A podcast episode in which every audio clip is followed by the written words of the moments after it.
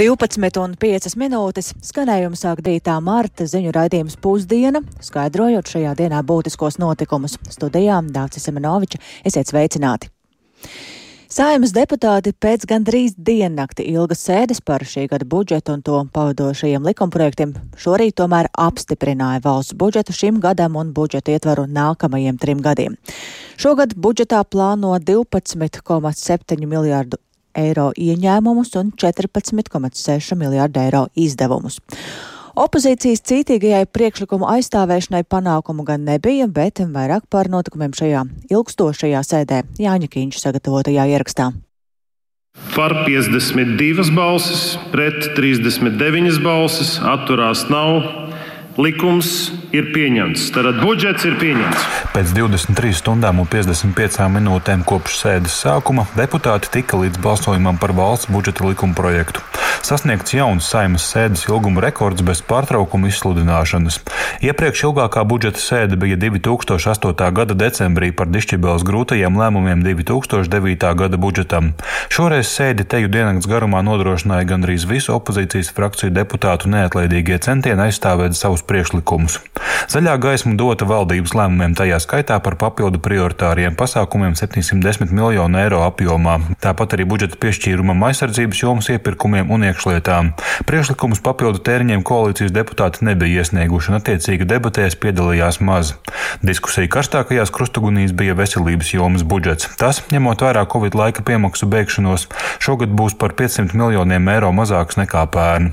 Bez virzības palika progresīvo priekšlikums uz lielāka valsts parāda rēķina dāsnāk finansēt veselības aprūpas nozari. To pamatoja frakcijas deputāts Kaspars Briškens. Mēs vēlamies vērst ar mūsu priekšlikumu uzmanību uz to, ka veselībai ir tieši tādas pašas top prioritātes status kā nacionālajai drošībai, kā Ukraiņas palīdzībai un līdzīgiem jautājumiem. Kādas tieši vēl reformas ir jāveic onkoloģijas centram, lai cilvēks saņemtu palīdzību dzīves grūtākajā brīdī?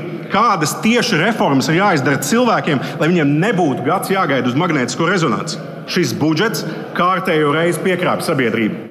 Atbildi debatēs sniedz premjerministrs Krišņāns Kariņš no jaunās vienotības, norādot, ka budžeta projektā sasniegts maksimālais budžeta deficīts vai izdevumu pārsvars pār ienākumiem. Jo, ja mēs palielinām savu deficītu virs tā, kur mēs šobrīd esam, tad Latvijai būs sliktāks kredīta reitings, kas nozīmē, ka valdība sāks maksāt vairāk par ārējo parādu, kas nozīmē automātiski privātās bankas visām mājsaimniecībām, kam ir hipotēkas, un visiem uzņēmumiem, kuriem ir aizdevums, būs jāmaksā lielāki procenti.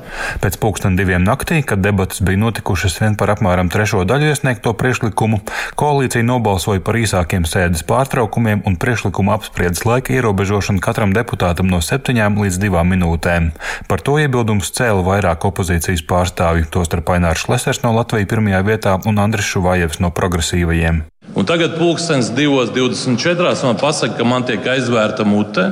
Jūs gribējāt, lai opozīcija tiek nokausēta, aizmieg šeit, bet kā jūs redzat, te ir otrā elpa, trešā elpa, te cilvēki ir gatavi strādāt. Jūs jau esat noguruši.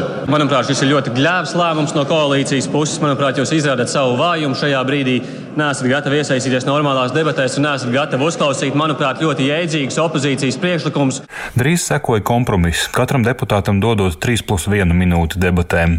Taču priekšlikumu izskatīšanas kurs tādēļ nemainījās. Atbalstu neguva neviens opozīcijas priekšlikums, tajā skaitā par papildu vairāk nekā 100 miljoniem eiro iekšlietām, 60 miljoniem eiro lauksaimnieku atbalstam un 25 miljoniem eiro piena nozares stabilizēšanai. Oficiāli 6.56 esam sagaidījuši arī saulēktu laiku. Lūdzu, zvanu. Vairumam veselības nozares finansējumam veltītajiem priekšlikumiem deputāti pievērsās ap septiņiem rītā. Atbalstu neguva rosinājumu par papildu desmitiem miljonu darba samaksas pieaugumam ārstniecības personām, bez virzības un pretargumentiem noraidīt arī opozīcijas priekšlikumu par lielāku finansējumu onkoloģijai un dažādu medikamentu apmaksai. Tuvojoties sēdes beigām, opozīcijas deputātu aktivitāte apsīka. Neilgi pirms balsojuma par budžetu premjers, vairāki ministri, tajā skaitā finanšu ministrs Arvils Ašerādens no jaunās vienotības pateicās par debatēm un uzsvēra, ka ar budžeta pieņemšanu darbs tikai sākas. Ar saimas palīdzību būs jāspēj sakārtot izglītības un veselības aprūpes sistēmas. Tajā skaitā arī ar neizmantoto līdzekļu pārdalēm jau šogad. Ašerādens arī paskaidroja, kāpēc vajadzēja budžeta diennakts maratonu. Mēs jau esam marta sākumā. Un patiesībā valdība jau ir sākusi darbu pie nākamā budžeta. Visai sabiedrībai šis mūsu šodienas darba rezultāts ir ļoti, ļoti vajadzīgs, lai pašvaldības var normāli sākt strādāt ar, ar jauno budžetu, lai varētu Eiropas Savienības projekts strādāt daudz citas lietas. Tā kā šī ir viena lieta, kādēļ mēs izvēlējāmies strādāt šīs 24 stundas. Paredzēts, ka valsts budžets stāsies spēkā no 1. aprīļa. Jānis Kincis, Latvijas radio. Un tas par budžetu un pašu deputātu skaidrojums, taču deputāta neatlaidība ir izraisījusi arī plašu rezonanci sociālajos tīklos. Priekš kam jāmāžojas un budžets jāskata visu nakti? Atgādina studentus, kuriem kursa darbs deg un tie pēdējā mirklī to pilda. Nekvalitatīvu lēmumu pieņemšana un process - absurds. Tas ir viena dažas reakcijas sociālajos tīklos pēc šīs rekordilgās sēdes. Un um, tāpēc šobrīd esam sazinājušies ar Rīgas Stradiņa Universitātes politikas zinātnes katedras docenti politoloģi Leldu Metlu Rozentāli. Labdien! Labdien! Ko jūs sakāt par šādu deputātu diennakts darbu? Uh, nu, no vienas puses, protams, ka var piekrist uh, sabiedrības viedoklim, un uh, es arī zinu, ka jebkāds darbs naktī, ko es mēģinu darīt, nu, viņš, uh, protams, ka nav tik uh, produktīvs vai tīpaši uz rīta pusi vairs tik kvalitatīvs, kā tam gribētos, kā tam vajadzētu būt. Bet no otras puses jautājums ir, protams, par to, vai ja šīs sēdes, piemēram, tiktu uh, izstieptas desmit dienu garumā, vai rezultāts būtu cits. Rezultāts būtu vienīgi tas, ka mēs vēl tikai, nu, teiksim, pēc desmit dienām šo te budžetu būtu apstiprinājuši, bet principā mēs saprotam, ka koalīcijas vairākums šo budžeta paketi atbalstīja. Līdz ar to faktiski bija skaidrs, ka vienalga, vai mēs balsojam šonakt pēc 24 stundām vai pēc 10 dienām, uh, opozīcijas uh, diskusijas nekādā veidā neietekmēs šī balsojuma rezultātu. Uh, otrs jautājums ir par to, kā vispār notiek šī miedarbība starp pozīciju un opozīciju, un ka ir šī te, uh, neieklausīšanās opozīcijā. Varētu teikt, kāpēc mēs absolūti neieklausāmies opozīcijā.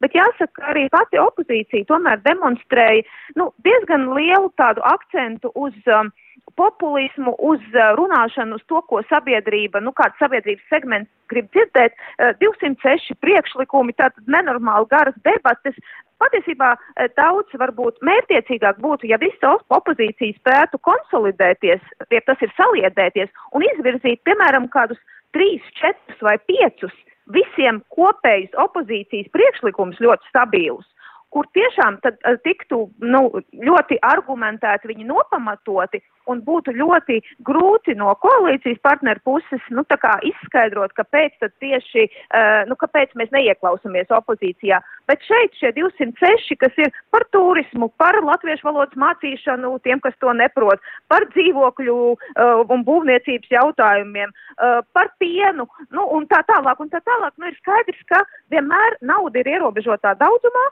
vienmēr ir dažādas sadalas iespējas, bet vairākums tie, par kuriem vēlētāji vēlēšanās bija nobalsojuši visvairāk, kuri atrodas koalīcijā, tie arī pieņēma šo te lēmumu, kas pārstāv viņu vēlētāju um, grupas, teiksim, viedokli, un viņi ir pilnvaroti to darīt. Tas Tāpēc, no... nu, Jā, Jā, tad es jūsu teiktajā sadzirdēju, ka tā, tā ir būtībā tāda šajā gadījumā tehniska lemšana, un nu, savā ziņā tā varētu būt opozīcijas mēģinājums nogurdināt opozīciju. Eh, par signālu vēlētājiem, kāds signāls vēlētājiem tas ir? Eh, kādā ziņā jūs domājat, kā tas attiecās uz vēlētājiem šāda? Nu, ko, ko šādā veidā pasaka deputāti vēlētājiem? Eh, jo tomēr nu, vēlētāji ir diezgan kritiski pret šādu formu. Jā, nu redziet, vēlētāji ir tie, kas ir balsojuši par pozīcijas partijām un tie, kas ir balsojuši par opozīcijas partijām. Un, teiksim, opozīcijas partija, kura, piemēram, ieņem deviņas deputātu vietas, pārstāv ļoti salīdzinoši nelielu sabiedrības segmentu. Un tieši tāpēc es, un tad ir grūti pamatot, nu, kāpēc šo te deviņu deputātu viedoklis būtu svarīgāks par visu koalīcijas deputātu kopējo viedokli. Tieši tāpēc es runāju par to, ka opozīcijai būtu bijis liederīgi apvienoties savos priekšlikumos, izveidojot tādus nevis vienu deviņu deputātu, vienu desmit deputātu priekšlikumu, vienu tur vēl kaut kādu dažu deputātu priekšlikumu, bet Būt gan visu opozīcijā Mhm. esošo partiju priekšlikums, vai vismaz latvisko, nu, nosacīt. Es saprotu, ka viņi nevar apvienoties ar uh, stabilitātei, bet, piemēram, tās, kas ir nosacīt latviskās partijas, ko mēs saprotam, Šleser partija, to mēs saprotam progresīvie, teiksim, ZZS, un tad, jā, tad viņos būtu šis spēks, jo arī viņi pārstāvētu pietiekami lielu sabiedrības segmentu. Tad aiz viņiem būtu jau liela vēlētāja masa kopumā. Mm -hmm. Paldies! Dzirdējām Rīgas Stradiņa Universitātes politikas zinātnes katedras docenti, politoloģi Leldu Metlu Rozentāli un viņas skaidrojumu šai rekordilgajai saimnes sēdēji. Tas ir par formu un uh, to, kā tad budžetu pieņēma, bet ja par pašu budžeta saturu, tad uh, premjers Krišānis Kariņš no jaunās vienotības sēdes nobeigumā uzsvēra, ka ar budžetu pieņemšanu valdības darbs tikai sāksies, būs jāsakārto izglītības un veselības aprūpes sistēmas, taču šo nozaru organizācija viedoklis gan par sakārtošanas veidiem un iespējām, gan arī finansējumu joprojām ievērojami atšķiras. Un, uh, līdz ar to arī mediķi joprojām neizslēdz streika iespēju, lai pievērstu politiķu uzmanību primārās veselības aprūpas jautājumiem. Tā šorīt Latvijas radio sacīja lauku ģimenes ārstu asociācijas vadītājs vietniek, vadītāja vietnieks Ainis Zalps, un viņš uzsver, ka tieši šīs problēmas ar ģimenes ārstu pieejamību, kas rezultējas ielaistās slimībās un kam līdz ar to ir vajadzīgs vairāk arī naudas. Mēs reģionos nerunājam tik daudz par tādām lietām kā algu pieaugumi vai tāda veida finansējumu. Mēs arvien vairāk akcentējam šo cilvēku resursu trūkumu. Mēs šobrīd saprotam, ka ar esošo finansējumu un esošām darba rokām mēs nespējam pienācīgi piedāvāt tos pakalpojumus, kas mums būtu jānodrošina mūsu iedzīvotājiem. Mums pieaug rindas gan arī gaidot uz primārās veselības aprūpas pakalpojumu, gan arī uz sekundārās veselības aprūpas pakalpojumu. Un mēs ļoti negribētu samazināt mūsu piedāvāto pakalpojumu pieejamību mūsu iedzīvotājiem. Bet kā allaž redzams, jebkurā varbūt tādā finanšu deficītā vislielākie cietēji ir primārā veselības aprūpe, un tipiski šie finansējuma tādi samazinājumi skar tieši profilaktisko jomu. Ja mēs atskatāmies 2008. 9. gada krīzi, pandēmijas laika izaicinājumus, tad mēs vienmēr redzam, ka mums iepaliek agrīna diagnostika, citi profilaktiski pasākumi, dažādu hronisko pacientu uzraudzība, kas tuvākajos mēnešos un gados rezultējās ar šo slimību sāsinājumu, vēlīnu diagnostiku un būtisku noslodzi sekundārajā un terciārajā veselības aprūpē. Mēs runājot par budžetu, vienmēr akcentējam onkoloģiskās saslimšanas un iztrūkstošo finansējumu. Un vienmēr liekas, ja mēs tur investētu 10, 15, 20 miljonus ārstniecībā, ka mēs atrisinātu onkoloģijas problēmu. Bet tā nebūtu nav. Mēs droši vien varētu izārstēt kādu daļu pacientu vai pagarināt viņu dzīvildi, bet par šo laiku mums jau būtu pienākuši klāt jauni un jauni, kas atkal ienāk šajā sistēmā novēlotas diagnostikas dēļ.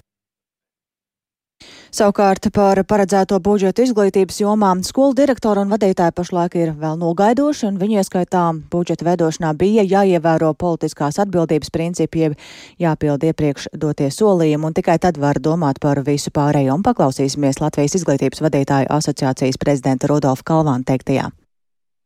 Nu, godīgi teikšu tā, lielas vai mazas skolas direktoram valsts budžeta miljārdi, simti miljoni šādi apmēri summu, godīgi sakot, neinteresē.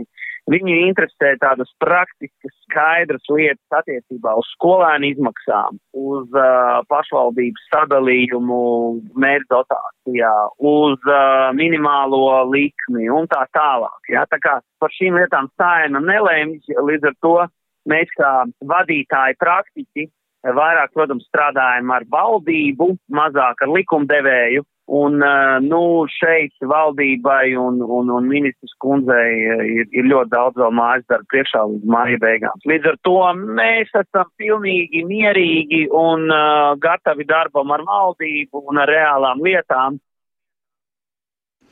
Tik tālu par valsts galveno finanšu dokumentu, kuru plašāk jau pēc brīža arī analizēsim raidījumā pēcpusdiena.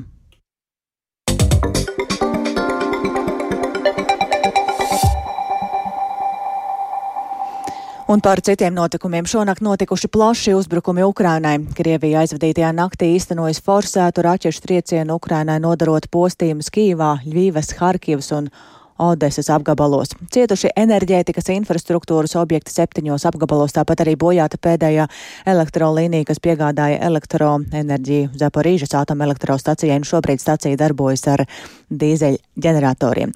Un šorīt pirms sešiem spēcīgs sprādziens pamodināja arī kolēģi Indru Sprānci, kura atrodas Kīvā. Ar viņu šobrīd esam sazinājušies. Sveika, Indra! Jā, labdien! Vispirms tā ir personīgi, vai tev viss ir labi šobrīd?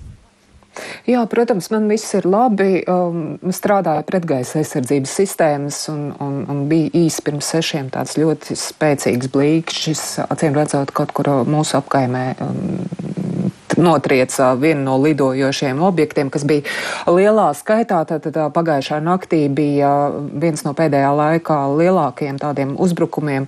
Um, gaisa trauksme pati ilgi, turpat septiņas stundas. Un, ļoti lielu skaitu raķetes, visdažādākā veida tika raidīts tajā skaitā arī Krīvas, Kīvas virzienā, un bija tātad vairāki šādi sprādzieniem līdzīgi ļoti skaļi trokšņi. Kīvas militārā administrācija ziņo, ka tātad šonakt pa galvaspilsētu raidīts gandrīz visas iespējamās spārnotās raķetes, kas ir Krievijas Krievijas karaspēkam, tajā skaitā hiperskaņas raķeta Kinžāls, kuras aplūzām krītot arī ir ievainoti divi cilvēki, tas bija nu, uz, uz rīta pusi, un šobrīd nav zinām sīkāka informācija, cik nopietnas traumas iegūši šie te cilvēki, bet um, tātad kopumā uh, naktī um, Ukrainas virzienā Krievija raidījis 81 raķeti, notriektas 34, visā valstī ir vairāki bojā gājušie uh, tātad cilvēki. Uh, šeit Kīvā ir zināms, ka uzbrukums uzbrukumā ir cietis kāds infrastruktūras objekts, taču arī par to sīkāk informācija netiek atklāta, kas tas ir. Un, taču uzbrukuma rezultāts gan ir redzams jau šobrīd, jo liela daļa Kīivas ir bez elektrības, tāpēc augstākos namos apgrūtināt arī ūdens padeve un aptuveni 40% Kīivas ir palikuši arī bez apkuris. Un, un kā norāda vietējie mediji, tas viss tādā simboliskā dienā, proti šodien Ukraiņu zvejniekam Tarasam Ševčenko ir dzimšanas diena. Un, um, taču jāsaka, ka, lai kā censtos Krievijas armija, situācija nav tik kritiska, kā varbūt uh, kāds gribētu, jo laukā ir pavasars. šodien Kīvā ir ļoti skaista, silta diena. Gaisa temperatūra pārsniedz pat uh, plus 10 grādus, tāpēc var teikt, ka postījumi infrastruktūrai Kīvā, protams, ir nodarīti, taču sekas nebūs tik ļoti sāpīgi izjūtas izjūtams, kā tas bija ziemā. Un uh, vēl par uzbrukumiem uh, galvaspilsētā ir zināms, ka atlūzas ir uh, sabojājušas arī vairākas automašīnas, kas pilnībā sadegušas un vieglu postījumu nodarīt arī daudzstāvu namiem blakus vietai, kur krita tātad raķetes atlūzas. Ir redzams, ka ir izsisti logi un cietusi apkārtējā infrastruktūra, taču nu, notikuma vieta šobrīd ir norobežota, tur strādā drošības dienas. Jā. Tas ir tas, kas šobrīd zināms ir. Paldies, tev, Indrā, par šo informāciju. Tātad nakts Ukrainā. Ukrainā ir bijusi trauksmaina, un to var redzēt arī pašā pilsētā. Bet mēs eh, turpinām ar Gruziju. Tur eh, valdošā partija Gruzijas sapnis tomēr ir piekāpusies iedzīvotājiem, kuri arī aizvadītajā naktī protestēja galvaspilsētā Tbilisī un citviet Gruzijā. Partija ir paziņojusi, ka nevirzīs tā, tālākai izskatīšanai parlamentā tā dēvēto ārvalstu aģentu likuma projektu, un par šo vairāk Uldis Česberis. Partija Gruzijas sapnis un tās sabiedrotie parlamentā šorīt izplatīja kopīgu paziņojumu, kurā informēja, ka atsauc no parlamenta darba kārtības likumprojektu, kas paredzēja pasludināt par ārvalstu aģentiem organizācijas un medijus, kuri vismaz 20% finansējuma saņem no ārvalstīm. Paziņojumā bija teikts, ka likumprojekts izraisīja viedokļu atšķirības sabiedrībā. Valdošie spēki arī apsūdzēja opozīcijas partijas melu un maldu izplatīšanā par likumprojektu, tādējādi noskaņojot lielu daļu sabiedrības pretieceri. Grūzijas sapnis īpaši nosodīja likuma iniciatīvas dēvēšanu par Krievijas likumu, kas daudzos Grūzijas iedzīvotājos esot radījis nepamatotas bažas par valsts novirzīšanos no eiro integrācijas ceļa. Paziņojumā arī bija teikts, ka valdība tuvākajā laikā mēģinās sabiedrībai labāk izskaidrot strīdus izraisījušā likumprojekta mērķus un to, kāpēc tas bija svarīgs, lai nodrošinātu caurskatāmību ārvalstu ietekmei Grūzijā. Valdošā partija savu lēmumu paziņoja pēc tam, kad pagājušajā naktī Grūzijas galvaspilsētā Tbilisī pie parlamenta ēkas atkal sapulcējās vairāki desmiti tūkstoši protestētāju. Viņi mēģināja aplenkt parlamentu, lai bloķētu ēkas ieejas. Drīz pēc tam sākās sadursmes, kuru laikā policija izmantoja asaru gāzi un ūdens metējus. Vairākus protestētājus aizturēja. Grūzijas prezidente Salome Zurabišvili vēl dažas stundas pirms valdošās partijas paziņojuma par likumprojekta atsaukšanu intervijā sacīja, ka vairums Grūzijas iedzīvotāju ir pret valsts virzību autoritārisma virzienā un vēlas tuvināties Eiropas Savienībai, kas tuvākajos mēnešos izlems vai piešķirt Grūzijas Gruzijai bloka kandidātu valsts statusu. Like uh, Šāds likums ir tieši šķērslis kandidātu valsts statusa saņemšanai. Tāpēc cilvēki iziet ielās, jo viņi zina, ka šis likums attālinātu mūs no ambīcijām pievienoties Eiropas Savienībai, un mēs to nedrīkstam pieļaut. Eiropas Savienības delegācija Gruzijā apsveica Gruzijas sapņa lēmumu atsaukt pretrunīgo likumprojektu un aicināja visas parlamentā pārstāvētās politiskās partijas atsākt darbu pie reformām, kas ir nepieciešamas, lai saņemtu bloka dalībvalsts statusu. Protestētājus Gruzijā vakar vakarā ar video starpniecību uzrunāja Ukrainas prezidents Volodimirs Zelenskis, kurš pateicās viņiem par atbalsta paušanu Ukrainai, demonstrācijās piedaloties ar Ukrainas karogiem un dziedot Ukrainas himnu. Tas apliecina cieņu Ukrainai, tāpēc es vēlos paust savu vislielāko cieņu Grūzijai. Nav neviens Ukrainis, kurš nenovēlētu panākumus mums draudzīgajai Grūzijai, demokrātiskus panākumus, Eiropas panākumus. Mēs vēlamies pievienoties Eiropas Savienībai, un mēs tur būsim. Mēs vēlamies, lai Grūzija pievienotos Eiropas Savienībai, un esmu pārliecināts, ka tas izdosies. Neraugoties uz Grūzijas valdības nevēlēšanos paust skaidru atbalstu Ukrainai cīņā pret Krievijas agresiju, vairākums Grūzijas iedzīvotāju pauž solidaritāti Ukrainai. Uldis Česberis, Latvijas radio. Un vēl pašmājās putenis, vismaz Ventspēlī vakar bija viens no spēcīgākajiem pēdējos gados, un slikto laikapstākļu dēļ vakar vēl vakarā notika arī negadījums ar Air Baltica lidmašīnu, kas atgriezās Rīgā no Parīzes. Lidmašīnas nosēšanās laikā noslīdēja no skrejceļa cietā seguma. Visi pasažieri un apkalpas locekļi droši nogādāti lidostas terminālī. Skrejceļi gan naktī uz trīs stundām bija jāslēdz. Nedaudz kavējās arī vairāki reisi šorīt un esam sazinājušies ar Rīgas lidostas pārstāvi Ilzi Salnu. Labdien! Labdien, labdien! Kā šobrīd rīta darbs lidostā, vai joprojām ir kāda kavēšanās, vai tomēr viss notiek kā plānots? Jā, lidostas darbs ir atgriezies ierastajā ikdienas ziemas lidojumu režīmā, un arī visi tie reisi, kas naktī tika aizlidoja uz rezervas lidostām, naktī jau atgriezās Rīgā, un arī astoņi izlidojošie reisi, kas, kas naktī nevarēja izlidot, kamēr skrēceļš bija slēgts ir vai nu jau devušies uz saviem galamērķiem ar, ar nelielu kavēšanos, vai arī ir pārcelti. Vai ir zinām iemesli, kāpēc vakar lidmašīna tomēr noslīdēja no skrejceļa? Šo incidentu, tā kā to paredz arī normatīvie akti, izmeklēs transporta negadījumu un incidentu izmeklēšanas birojas, kas arī varēs sniegt savu vērtējumu par to, kas notika. Tātad pagaidām vēl ziņu par šo nav. Cik šāds gadījums Rīgas lidostā ir ārkārtējs, teiksim tā? Nu, pret drošību mēs vienmēr izturamies ar ļoti lielu nopietnību, un uh, skaidrs, ka ziemas laikapstākļi ir ļoti dažādi un var krasi arī mainīties, tāpēc mēs arī lūdzam uh, pasažierus, kuriem tuvākajās dienās ir ieplānot lidojumu, sekot līdz laika prognozēm, sekot līdz informācijai gan lidostas mājaslapā, gan lidostas sociālajos tīklos vai sazināties ar savām aviokompānijām. Nu jā, gaida par gaidāmajām laika prognozēm. Um, arī turpmākajās dienās tās sola nevisai iepriecinošas, kā jūs tam gatavojaties? Lidostas dienesti strādā ziemas režīmā. Tas nozīmē, ka visi dienesti ir gatavi un seko līdzi, protams, laika prognozēm un tiek veikti visi nepieciešamie darbi, lai uh, lidlauks skrēceļš būtu drošs uh, gaisa kuģu kustībai. Bet nu, droši vien ir arī jāsako līdzi un ir iespējama arī kaut kādu reisu aizkavēšanos.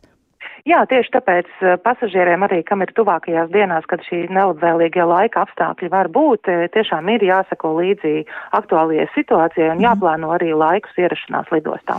Jā, paldies Ilze Salna no Rīgas lidostas, un ar to arī izskan raidījums pusdiena, ko veidoja Ilze Aginta, Uldis Grīnbergs, Rita Kārnača un Esim Dācis Semenoviča. Vēl īsi par svarīgāko saima rekordgarā sēdē ir pieņēmusi šī gada valsts budžetu, un tas stāsies spēkā 1. aprīlī. Yeah.